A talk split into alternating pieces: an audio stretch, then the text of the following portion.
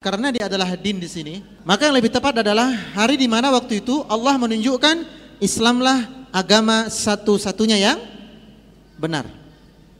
Maka menyesallah orang-orang yang memeluk agama selain Islam. Boleh dinamakan hari pembalasan atau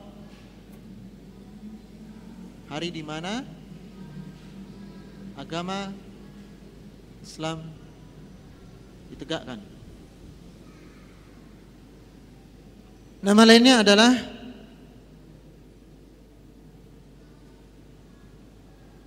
Yaumul Ba'th. Artinya apa? Hari kebangkitan. Nah,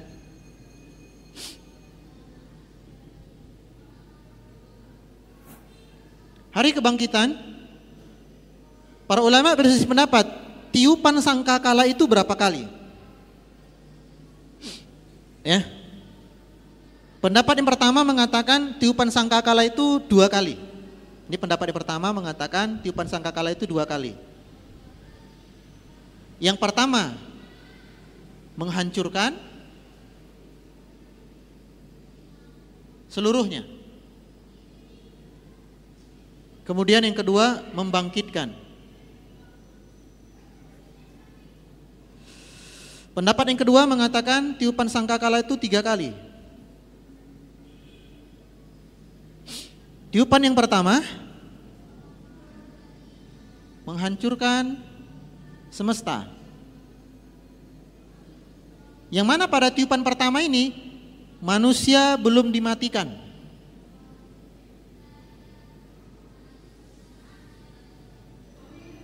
Tiupan yang kedua baru manusia dimatikan, mematikan manusia.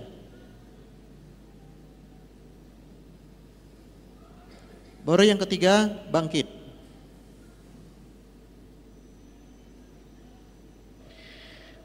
Bagaimana kondisi kita ketika kita bangkit? Maka di awal mula, di awal mula kita bangkit, kita bangkit seperti laron. Seperti Laron.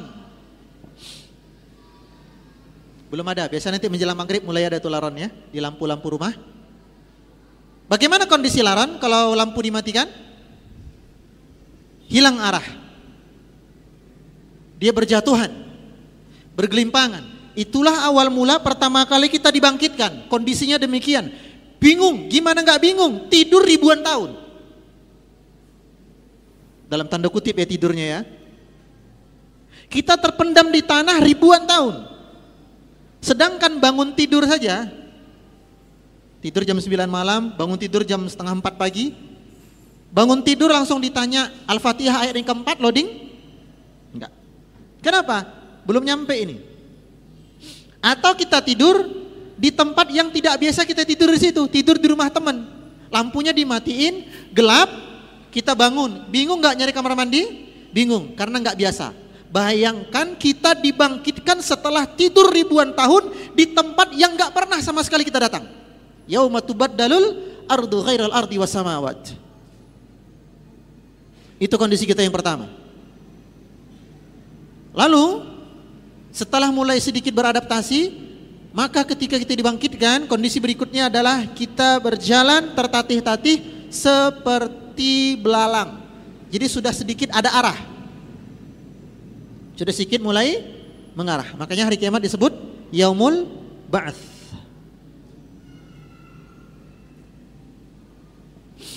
Nama lainnya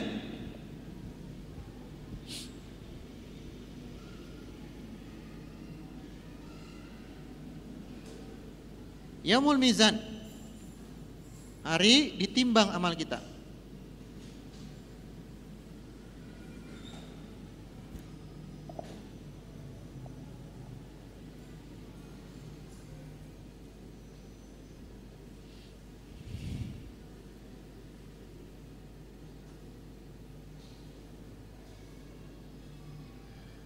Bagaimana amal kita ditimbang? Maka ada tiga jenis cara Allah menimbang hambanya.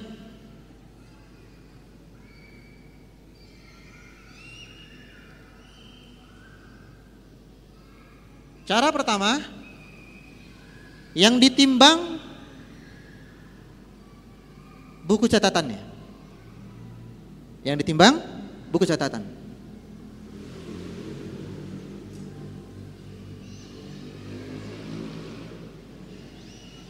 Apa dalilnya? Ada yang tahu? Kisah seseorang yang didatangkan kepadanya 99 gulungan catatan dosa. Setiap satu gulungan dibuka dosa-dosanya sejauh mata memandang. Lalu 99 ini diletakkan di timbangan yang kiri. Kemudian amal kebaikannya cuma satu lembar kertas diletakkan di timbangan yang yang kanan. Nah, itu dalilnya. Orang yang memiliki 99 catatan dosa dan satu amal kebaikan. Cara Allah yang kedua menimbang adalah amalnya saja yang ditimbang. Enggak sama buku-bukunya. Amalnya saja. Apa contohnya? Rasulullah Shallallahu Alaihi Wasallam bersabda, kalimatani habibatani ila rahman, khafifatani ala lisan, thaqilatani fil mizan.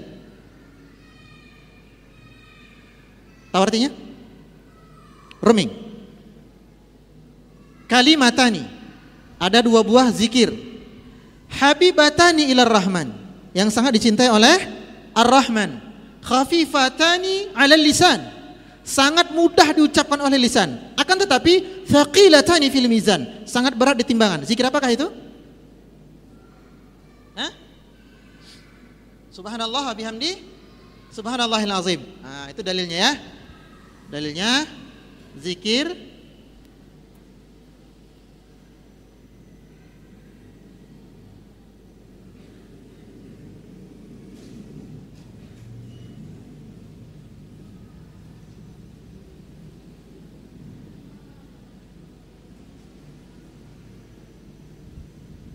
Subhanallahil azim.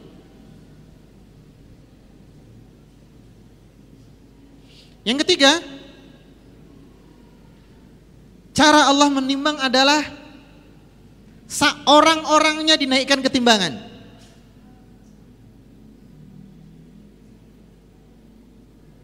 Kalau begitu betapa beruntungnya orang yang gemuk gitu ya. Dan betapa kasihannya kita-kita yang langsing ini. Masalahnya, walaupun orangnya dinaikkan ketimbangan, tetap yang jadi perhitungan amalnya, bukan masa badannya. Ya, dalilnya apa? Orang dinaikkan ketimbangan ke atas timbangan. Dalilnya Kisahnya sahabat Abdullah ibnu Mas'ud betis ibnu Mas'ud lebih berat daripada Uhud.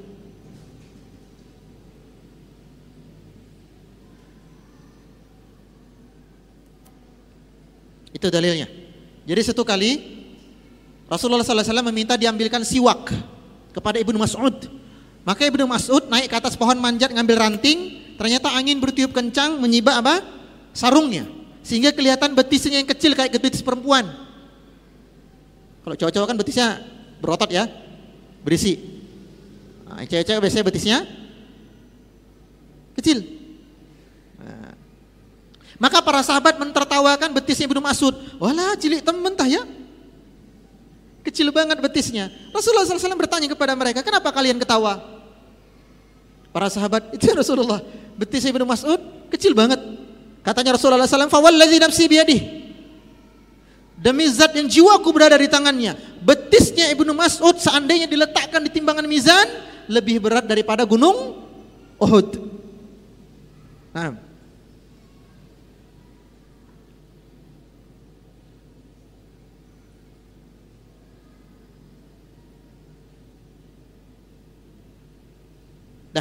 Itu masih ada 19 lagi nama-nama kiamat, tapi bukan itu pembahasan kita ya. Hanya cukup dah. Pembahasan yang kedua, min asyarat sa'ah, tanda-tanda hari kiamat. Saya hapus ya.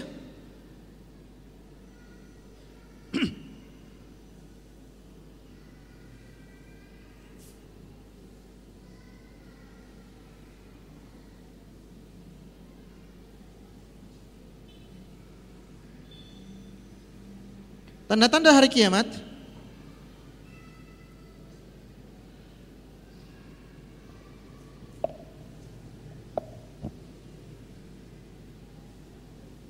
Ditinjau. Waduh. Kelihatan nggak dari belakang kalau saya kasih merah? Enggak ya? Tipis banget.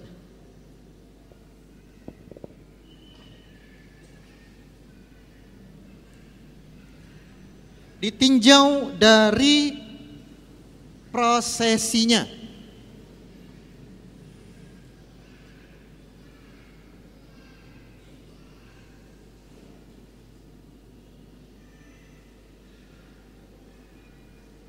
Maka hari kiamat tanda-tandanya terbagi menjadi tiga. Yang pertama, tanda yang sudah terjadi dan selesai. Sudah terjadi dan Selesai. Yang kedua, sedang terjadi the progress. Yang ketiga, belum terjadi.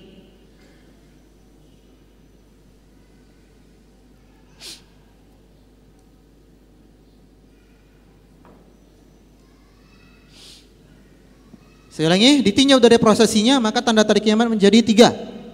Sudah, sedang, belum. Madi, mudari, amr. Kalau bahasa Arabnya, kalau bahasa Inggrisnya apa? Past, present, future tense. Ya. Nah. Lalu apa saja tanda-tanda kiamat yang sudah terjadi dan selesai?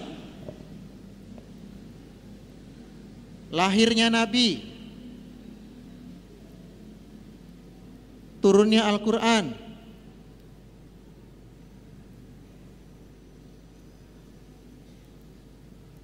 terbelah bulan.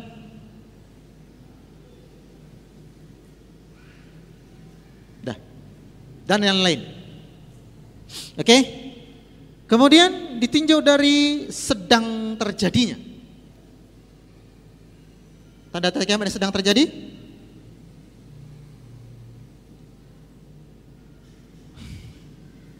Perempuan lebih banyak daripada laki-laki.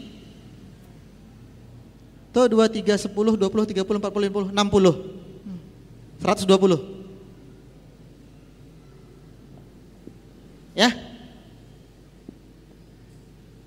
Apa pun kajiannya Biasanya perempuan lebih banyak Kecuali kajian tentang poligami.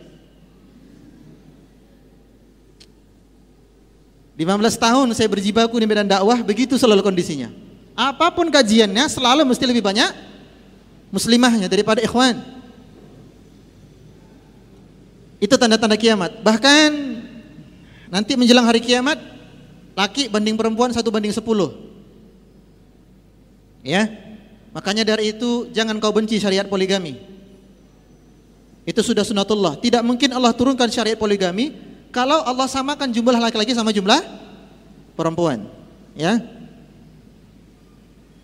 Tanda yang lain, udah yang poligami stop, nggak usah dilanjut. Bahaya nanti motor saya kempes itu bannya. Perempuan lebih banyak dari laki, kemudian banyak terjadi pembunuhan. Nyawa begitu murah. Zina merajalela.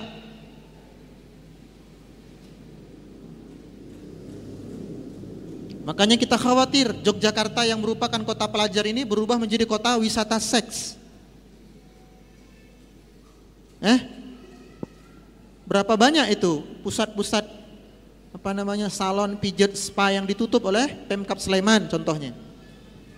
Iya, wisata seks berba apa? berkedok pijat, berkedok spa, berkedok salon. Ya, ini kita khawatirkan. Kemudian gempa bumi, banjir, riba, riba yang semakin marak,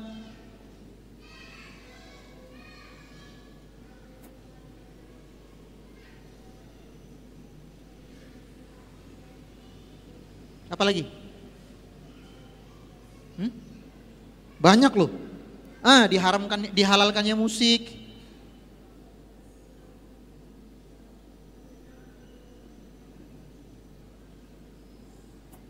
Dihar, dihalalkannya musik dan seterusnya dan seterusnya. Kemudian tanda yang belum terjadi terbit matahari dari barat dan seterusnya. Apalagi munculnya Dajjal. Jadi Dajjal belum keluar. Ya'jud Ma'jud.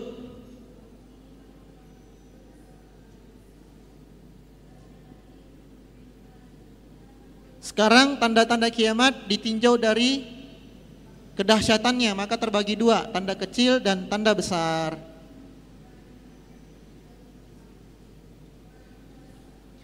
Saya kecepatan nggak ini nyampaikannya? Udah standar ya? Baik. Takutnya nanti terlalu cepat, ada yang nggak terkejar.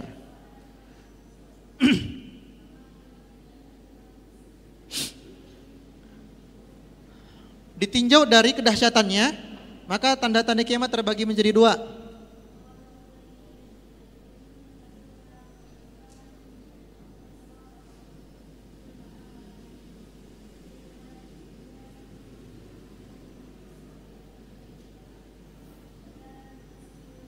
Yang pertama, tanda-tanda kiamat kecil. Di antaranya mana? Ini semua ini. Pindahkan ke sini, copy paste ya. Plus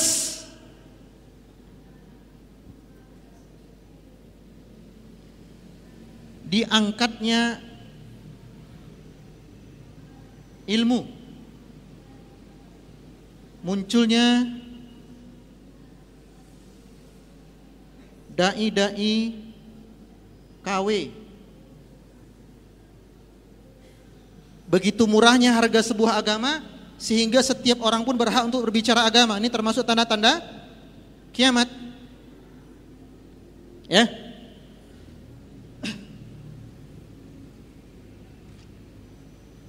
Rasulullah sallallahu alaihi wasallam bersabda, "Innallaha la yanzi'u ankum hat innallaha la yanzi'u ilma intiza'an yantazi'u minal ibad."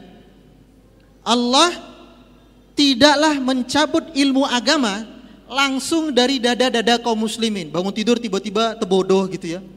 Bangun tidur, wih udah lupa huruf hijaiyah enggak. Bangun tidur sudah lupa semua juz amma karena memang belum hafal. Tidak, bukan begitu cara Allah mencabut ilmu agama. Akan tetapi bagaimana?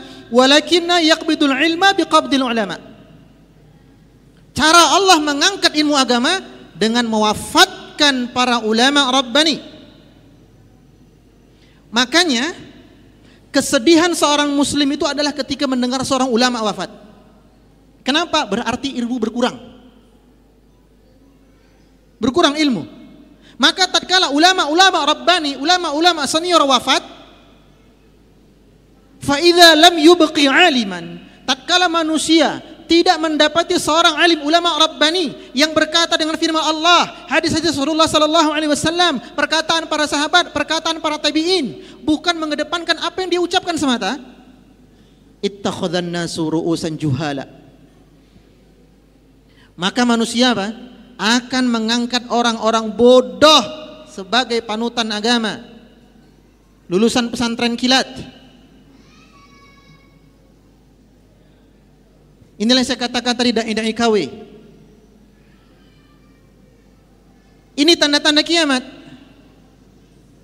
Ittakhadhanna surusan juhala.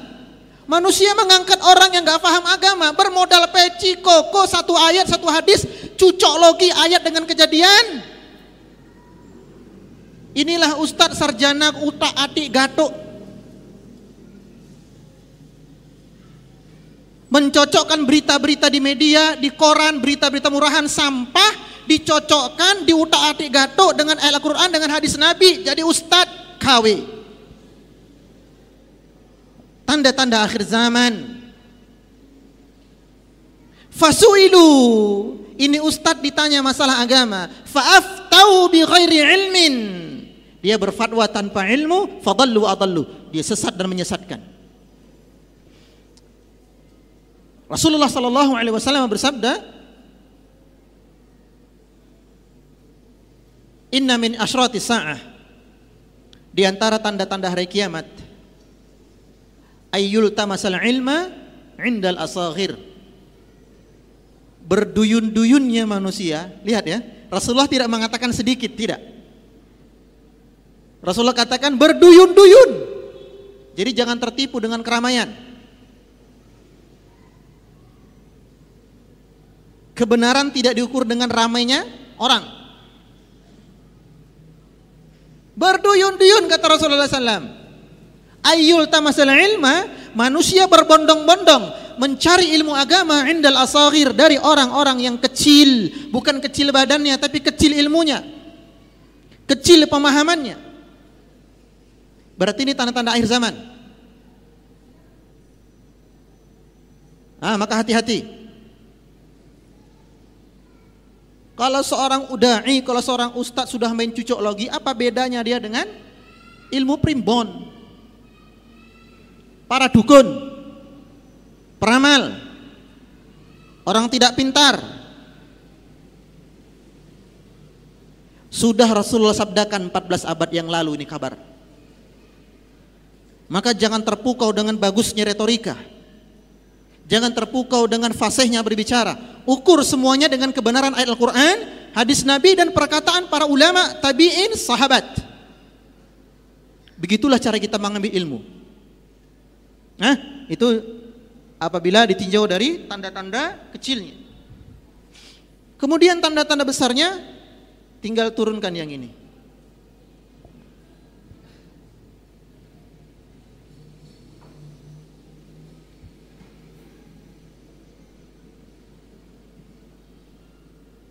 Diturunkan semua. Dia tambah lagi turunnya Isa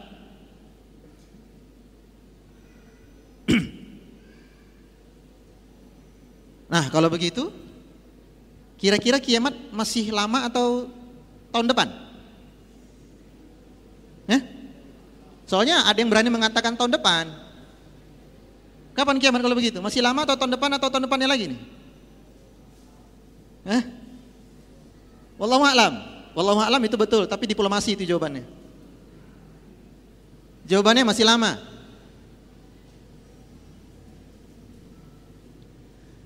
Karena apa? Karena belum keluar binatang melata yang bisa berbicara. Belum keluar emas yang terangkat dari sungai Eufrat. Belum keluarnya Dajjal. Sementara keluarnya Dajjal dengan hari kiamat itu 40 tahun. Lah kok ada yang meramal ciri-ciri kiamat sudah muncul. 2020, 2021 ini ilmu dari mana? Ya masih lama perhitungan manusia. Ya, tanda-tandanya belum muncul semua loh.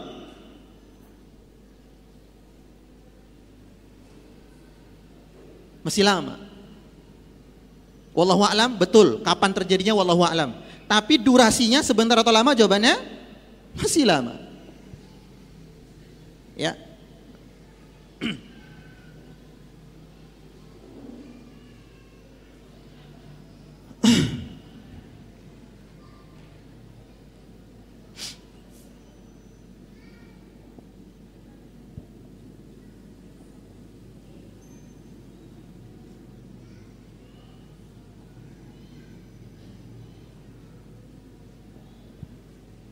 Nama sudah, tanda sudah.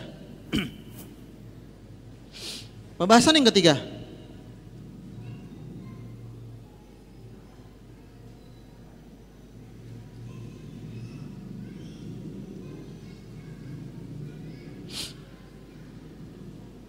Apa dalil-dalil tentang wajibnya beriman kepada hari kiamat atau hari akhir? Ini sangat banyak ya. Dalil-dalil tentang wajibnya beriman kepada hari akhir. Di antaranya surah Al-Fatihah yang sering kita baca. Alhamdulillahi Rabbil Alamin Ar-Rahmanir Rahim Maliki Yaumiddin nah, Itu dalilnya Ya, Maliki Yaumiddin Kemudian dalil yang lain Sering Allah menggandengkan dalam ayat-ayatnya antara iman kepada Allah dengan iman kepada hari akhir. Baik melalui firman Allah maupun melalui sabda Nabi sallallahu alaihi wasallam. Nah, di antara sabda Nabi yang menggandengkan antara beriman kepada Allah dengan iman kepada hari kiamat, "Maka na yu'minuna billahi wal yaumil akhir." Ayo sambung. Eh, banyak banget loh. Masa satu aja nggak hafal? Hafalnya hadis nikah doang nih kayaknya. Ya ma'syara syabab, manis ta'tami inkumul ba'ah fal jatazawwaj. Hafal tat luar kepala. Eh? Mangkana yu'minuna billahi wal yaumil akhir. Banyak banget loh ini.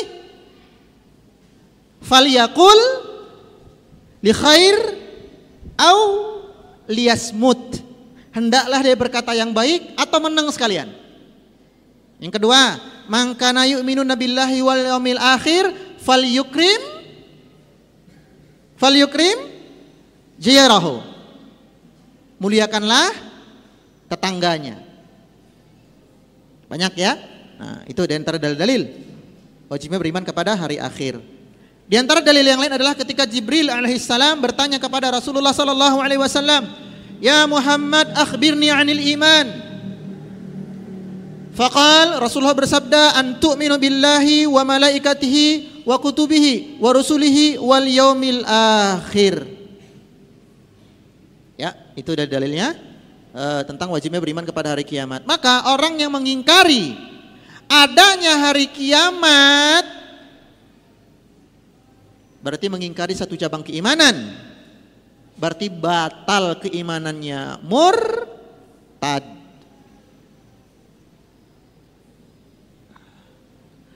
Lalu apa saja hikmah atau balasan atau faedah ketika seseorang beriman kepada hari akhir?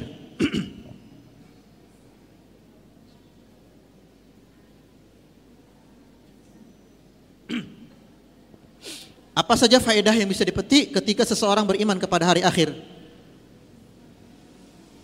Yang pertama, dia akan berpikir ulang untuk berbuat zalim kepada orang lain. Dia akan berpikir ulang untuk berbuat zalim kepada orang lain karena dia beriman dengan hari pembalasan. Dia faham betul setiap debu dari asap rokok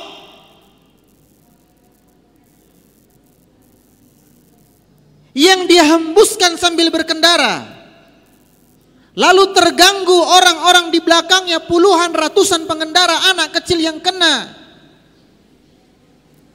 Maka setiap orang tersebut akan menuntut balas di hari kiamat. Ini kalau beriman sama hari akhir. Masalahnya para perokok lebih beriman kepada berhala tujuh sentinya.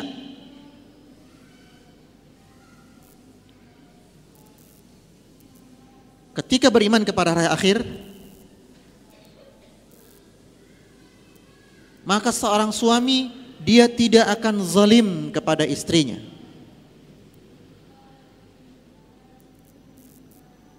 Takkan tega dia untuk menjatuhkan satu bulir air mata di pipi sang istri. Takkan tega dia mengucapkan satu kalimat yang bisa meremukkan jiwa istrinya. Seorang ayah yang faham betul hari kiamat ada dan setiap amal akan dibalas, maka dia akan bertanggung jawab terhadap pendidikan anak-anaknya daripada menyibukkan diri nongkrong-nongkrong sekedar mancing gak jelas, touring gak jelas. Dia akan lebih berharga waktu untuk anak-anaknya. Sehingga dia tidak sungkan mengatakan kepada kawan-kawannya, sorry bro, gue lagi sibuk. Bukan sibuk kerja, tapi sibuk mentarbiah anak-anak. Seorang istri yang faham betul bahwasanya setiap kezaliman akan Allah balas di hari kiamat, dia akan senantiasa meletakkan tangannya di bawah tangan sang suami. Ketika melihat ada perubahan wajah pada suaminya, ketika ada melihat perubahan tingkah laku pada suaminya, dia akan meletakkan tangannya di bawah tangan sang suami sambil berkata, "Wahai zauji, wahai suamiku, aku tidak akan bisa tidur tenang malam ini." Aku tidak bisa tidur tenang malam ini kalau keluar kalau belum keluar satu kata maaf darimu. Ya, Seorang ayah yang faham betul bahwasanya hari kiamat akan diganjar semua amalan, maka dia akan menjaga diri dari menyuapi anak istrinya dengan sumber nafkah yang haram.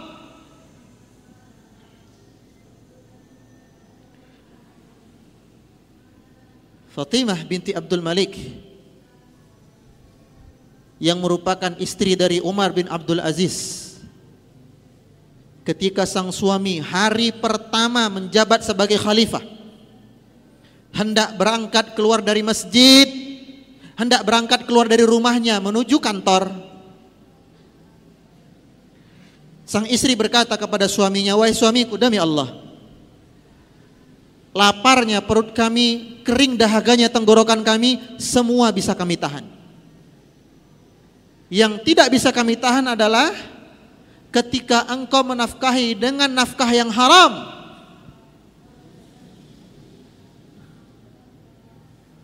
Seorang anak yang faham betul bahwasanya setiap amal dia akan Allah balas pada hari kiamat.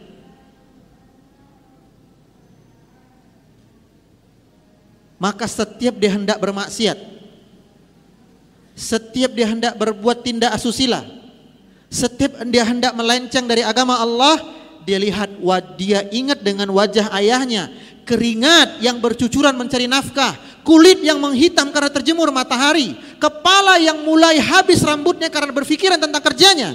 Dia teringat dengan ibundanya yang telah membersihkan kotorannya dari kecil. Dia tidak akan berani macam-macam di luar. Meskipun dia ngekos terpisah jauh dari orang tuanya. Seorang anak muda yang mengimani hari kiamat dia sadar bahwasanya setiap amal yang dia kerjakan semuanya all of them akan Allah tampakkan di hari kiamat, di display, ditonton oleh seluruh manusia. Maka dia akan menjaga dirinya ketika sendirian. Rasulullah sallallahu alaihi wasallam bersabda, "Sab'atun yuzilluhumullah fi yaum la zilla illa zilluh." Ada tujuh golongan yang Allah berikan perlindungan pada hari kiamat. Salah satunya adalah warajulun khalian fafadat ainah. Anak muda yang dia sendirian, pintu kamar telah terkunci, gorden jendela telah ditutup, headset telah terpasang, akses internet kencang.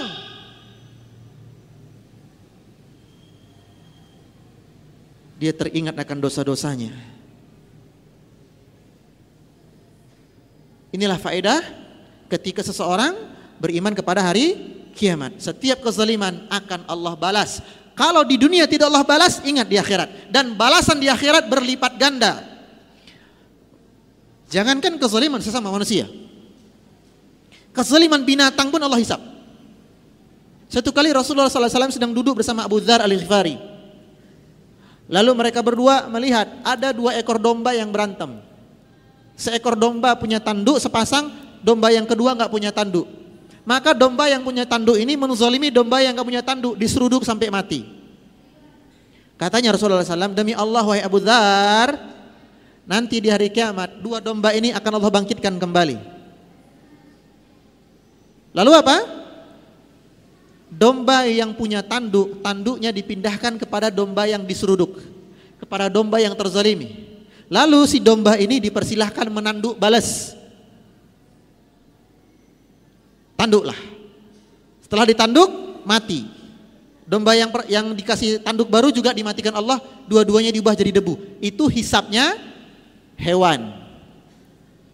Jadi setelah balas jadi debu. Itu hewan. Adapun manusia Gak selesai sampai di situ. Kezaliman dibalas dibayar dengan pahala dan dosa. Makanya Rasulullah sallallahu alaihi wasallam bersabda, "Atadruna mal muflis?"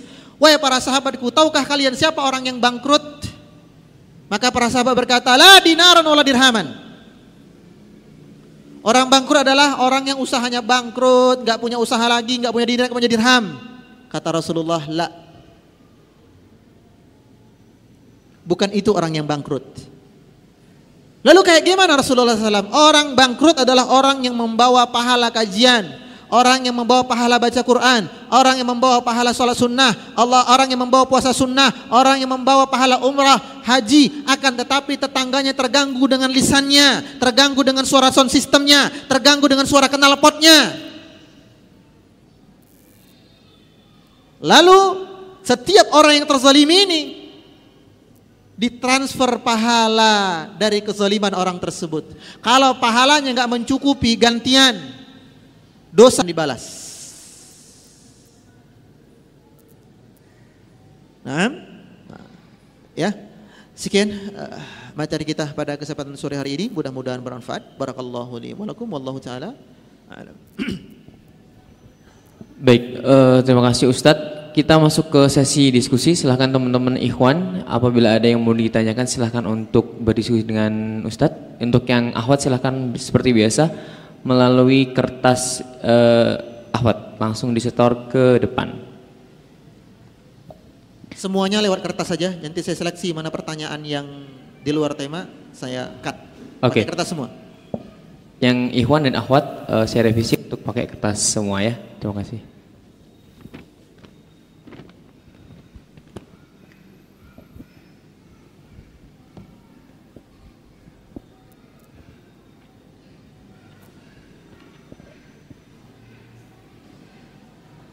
Ada segera, uh, segera untuk di store ke depan. Baik sembari menunggu pertanyaan sudah disampaikan uh, materi Ustadz terkait dengan nama-nama kiamat, terus kemudian dari tanda-tanda hari kiamat ditinjau dari prosesnya untuk tanda-tanda hari kiamat, terus kemudian ditinjau dari uh, kedahsyatannya dan kemudian yang terakhir dalil-dalil uh, terhadap e, beriman kepada e, hari akhir. Terus kemudian e, faidah atau keuntungan apa yang akan kita, kita dapatkan apabila kita beriman kepada hari akhir. Jadi seperti itu teman-teman silakan untuk melontarkan pertanyaan kepada Ustadz melewati kertas. Saya persilakan.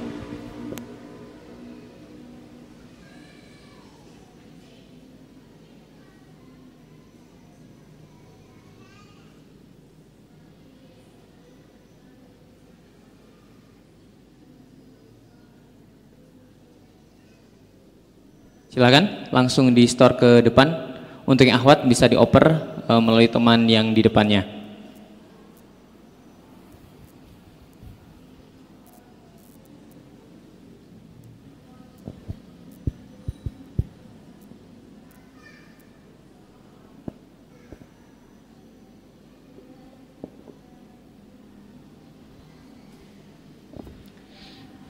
Enak banget ya, udah ngaji, dapat nasi ayam, subhanallah.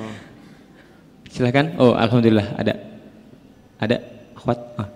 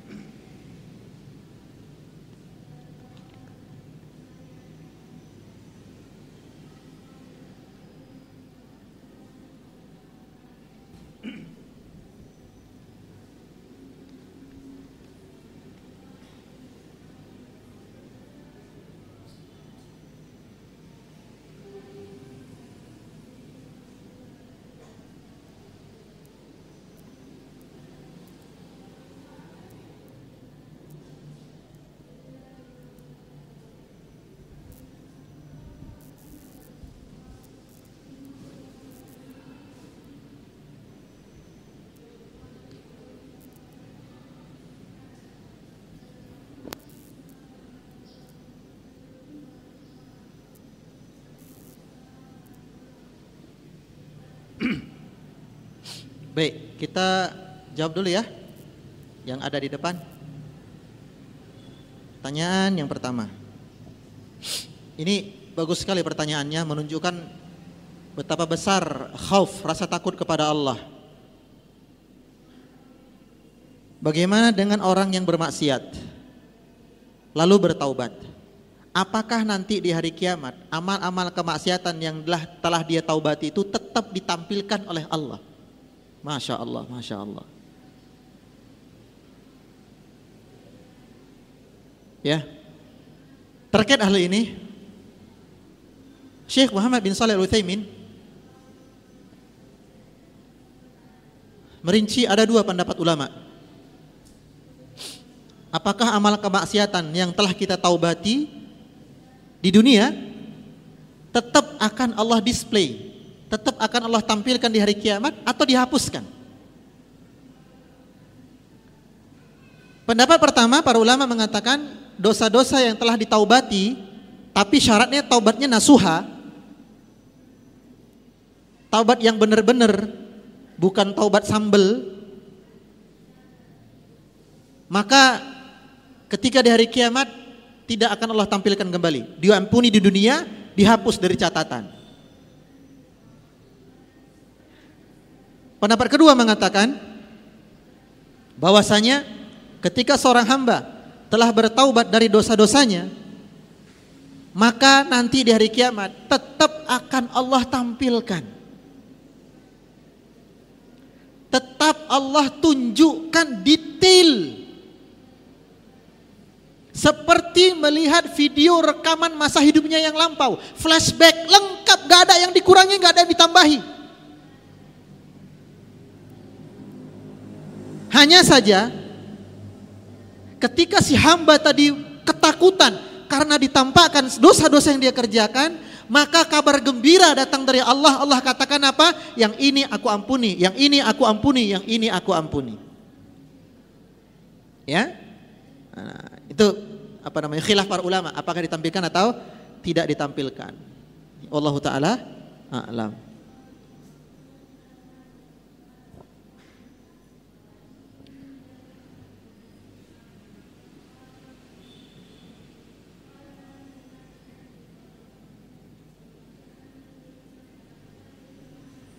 Ustaz, saya masih kurang paham tentang dihalalkannya musik menjadi tanda-tanda kiamat.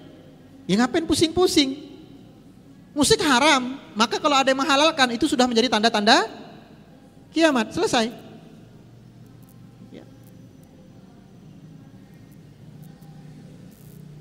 Sebagaimana orang mulai menghalalkan khamar dan riba. Tadinya haram, kemudian ada yang menghalalkan. Ya, menghalalkannya nggak langsung, tapi dengan diganti nama. Tapi hakikatnya sama, cuma berganti nama. Jika kita pernah menzalimi seseorang tanpa sengaja atau tanpa sadar, apakah cukup meminta ampun kepada Allah ataukah juga perlu meminta maaf kepada orang-orang yang pernah dizalimi?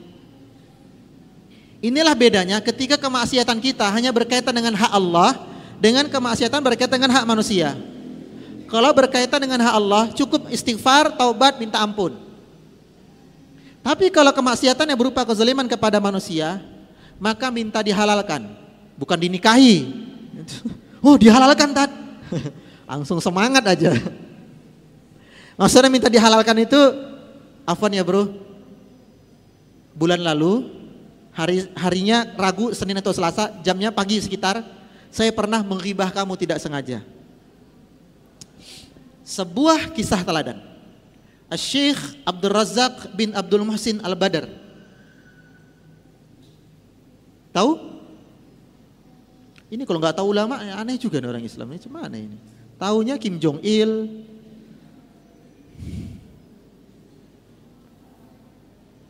Syekh Abdul Razak bin Abdul Muhsin, seorang ulama akidah di Madinah, guru dari Ustaz Firanda. Ustaz Indonesia yang menjadi pengisi tetap di Masjid Nabawi tapi sudah pulang ke Indonesia.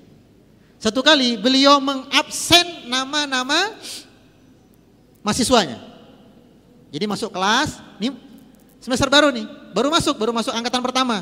Beliau masuk membaca nama-nama mahasiswa. Ternyata ada nama mahasiswa yang unik. Syekh membaca sambil tersenyum. Ya, Syekh membaca sambil tersenyum. Tapi seketika wajahnya Syekh berubah sedih. Ya, bacanya dalam hati, baca baca terus senyum. Senyumnya sebentar saja, habis itu beliau mengusap wajah. Menarik jenggotnya, mengusap wajah. Kemudian beliau bertanya, siapa yang namanya Fulan? Lalu si nama yang lucu ini tunjuk tangan. Saya Syekh, baik. Sini. Ada apa Syekh? Dikasih kitab tiga gratis. Loh kenapa Syekh? Kita belum, udah terima aja saya telah menghibah kamu. Loh, saya kan belum bicara apa-apa. Iya, tapi saya menghibah di dalam hati. Saya tersenyum dengan nama kamu. Masya Allah. Ini khasnya para ulama. Rasa takutnya kepada Allah luar biasa. Maka kita yang ribahnya bukan di hati lagi, tapi sudah dicorong mulut. Minta minta maaf sama dia, minta dihalalkan. Bro, maaf ya bro, kemarin jam ini buang ribah lu. Oh enggak bisa, preksu dulu. Wah ini ya. Iya bro, nanti sore gratis di Nurul Asri. Ah gratisan, gak mau gua. Ya.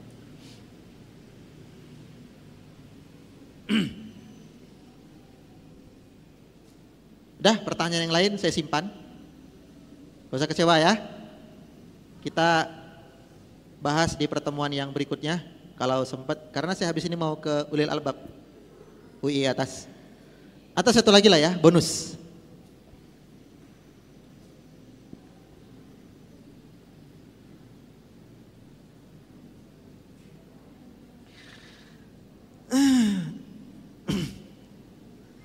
Ustadz sekarang banyak sekali perzinahan berkedok suka sama suka. Ya kalau nggak suka sama suka bukan perzinahan, perkosaan namanya. Gimana ini? Mereka merasa tidak menzolimi orang lain. Siapa bilang? Seorang laki-laki yang seorang perempuan meskipun suka sama suka itu menzolimi.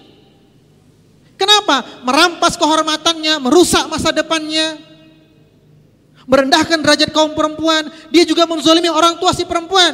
Capek-capek dikasih makan, dilahirkan, disusui begitu gede, diambil secara gratis. Jadi nggak ada ceritanya tidak menzolimi orang lain. Bahkan kemaksiatan yang dikerjakan akan berdampak kepada lingkungan. Air hujan yang gak turun-turun, sumur yang asat, cuaca yang panas terik. Itu karena kemak kemaksiatan. Dia yang indohai enak-enak, kita yang kecipratan getahnya.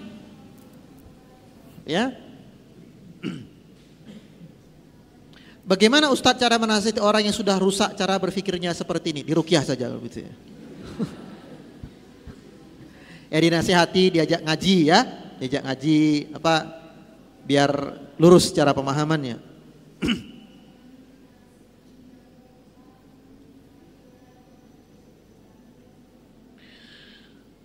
Tanda-tanda hari kiamat itu kan di, di antaranya uh, ulama-ulama palsu yang berfatwa. Apakah kita sebagai orang awam yang memiliki ilmu yang dangkal tidak boleh berfatwa? Bukankah Nabi berkata balighu anni walau ayah? Baik. Rasulullah sabdakan balighu. Bukan iftau, bukan berfatwa. Balighu. Yang namanya balighu hanya menduplikat. Contoh. Contoh ya, contoh.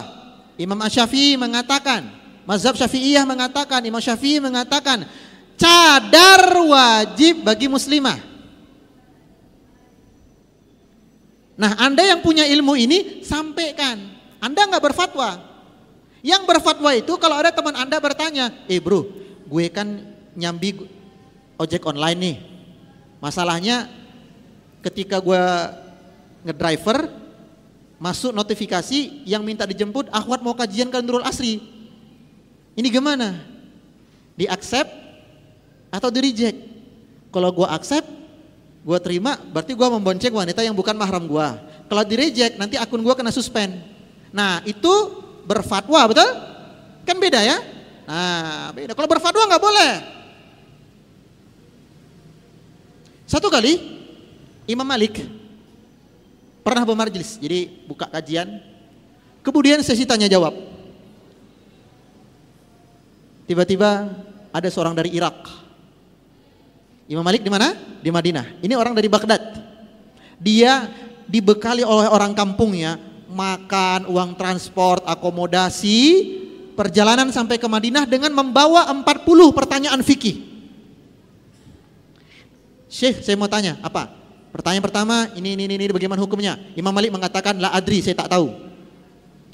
Oh Syekh, kalau begini-gini ini gimana? La adri saya nggak tahu. 40 pertanyaan yang dijawab cuma dua. Orang dari Baghdad ini yo nesu-nesu. Lo kok pribadi iki? Ini nggak satu hati sekali Irak lah ya. Wis tekan kene. Gue pertanyaan akeh malah harus jawab belas. Saya datang dari Irak wahai Syekh, 40 pertanyaan saya bawa, engkau cuma jawab dua. Apa yang harus saya katakan kepada orang-orang Irak? Apa kata Imam Malik? Emang lu pikirin? Emang gue pikirin? Engkau bingung bagaimana cara menghadapi masyarakat Irak dengan pertanyaanmu yang tidak terjawab. Bagaimana bingungnya aku menghadap Allah? Lihat para ulama berhati-hati dalam berfatwa. Zaman sekarang banci pun berfatwa. Hah? Lihat menjelang Ramadan. Artis-artis yang tiba-tiba pakai jilbab. Ah, Gimana ya cara meningkatkan kualitas iman ketika bulan Ramadan? Masya Allah. Eh? Semua bisa berfatwa. Itulah lulusan pesantren kilat tadi. Bertanya menjawab duplikat saja copy paste. Kalau berfatwa nggak boleh. Wallahu taala alam subhanakallahumma hamdika, syada la ilaha illa anta astaghfiruka wa atubu ilaik. Assalamualaikum warahmatullahi wabarakatuh.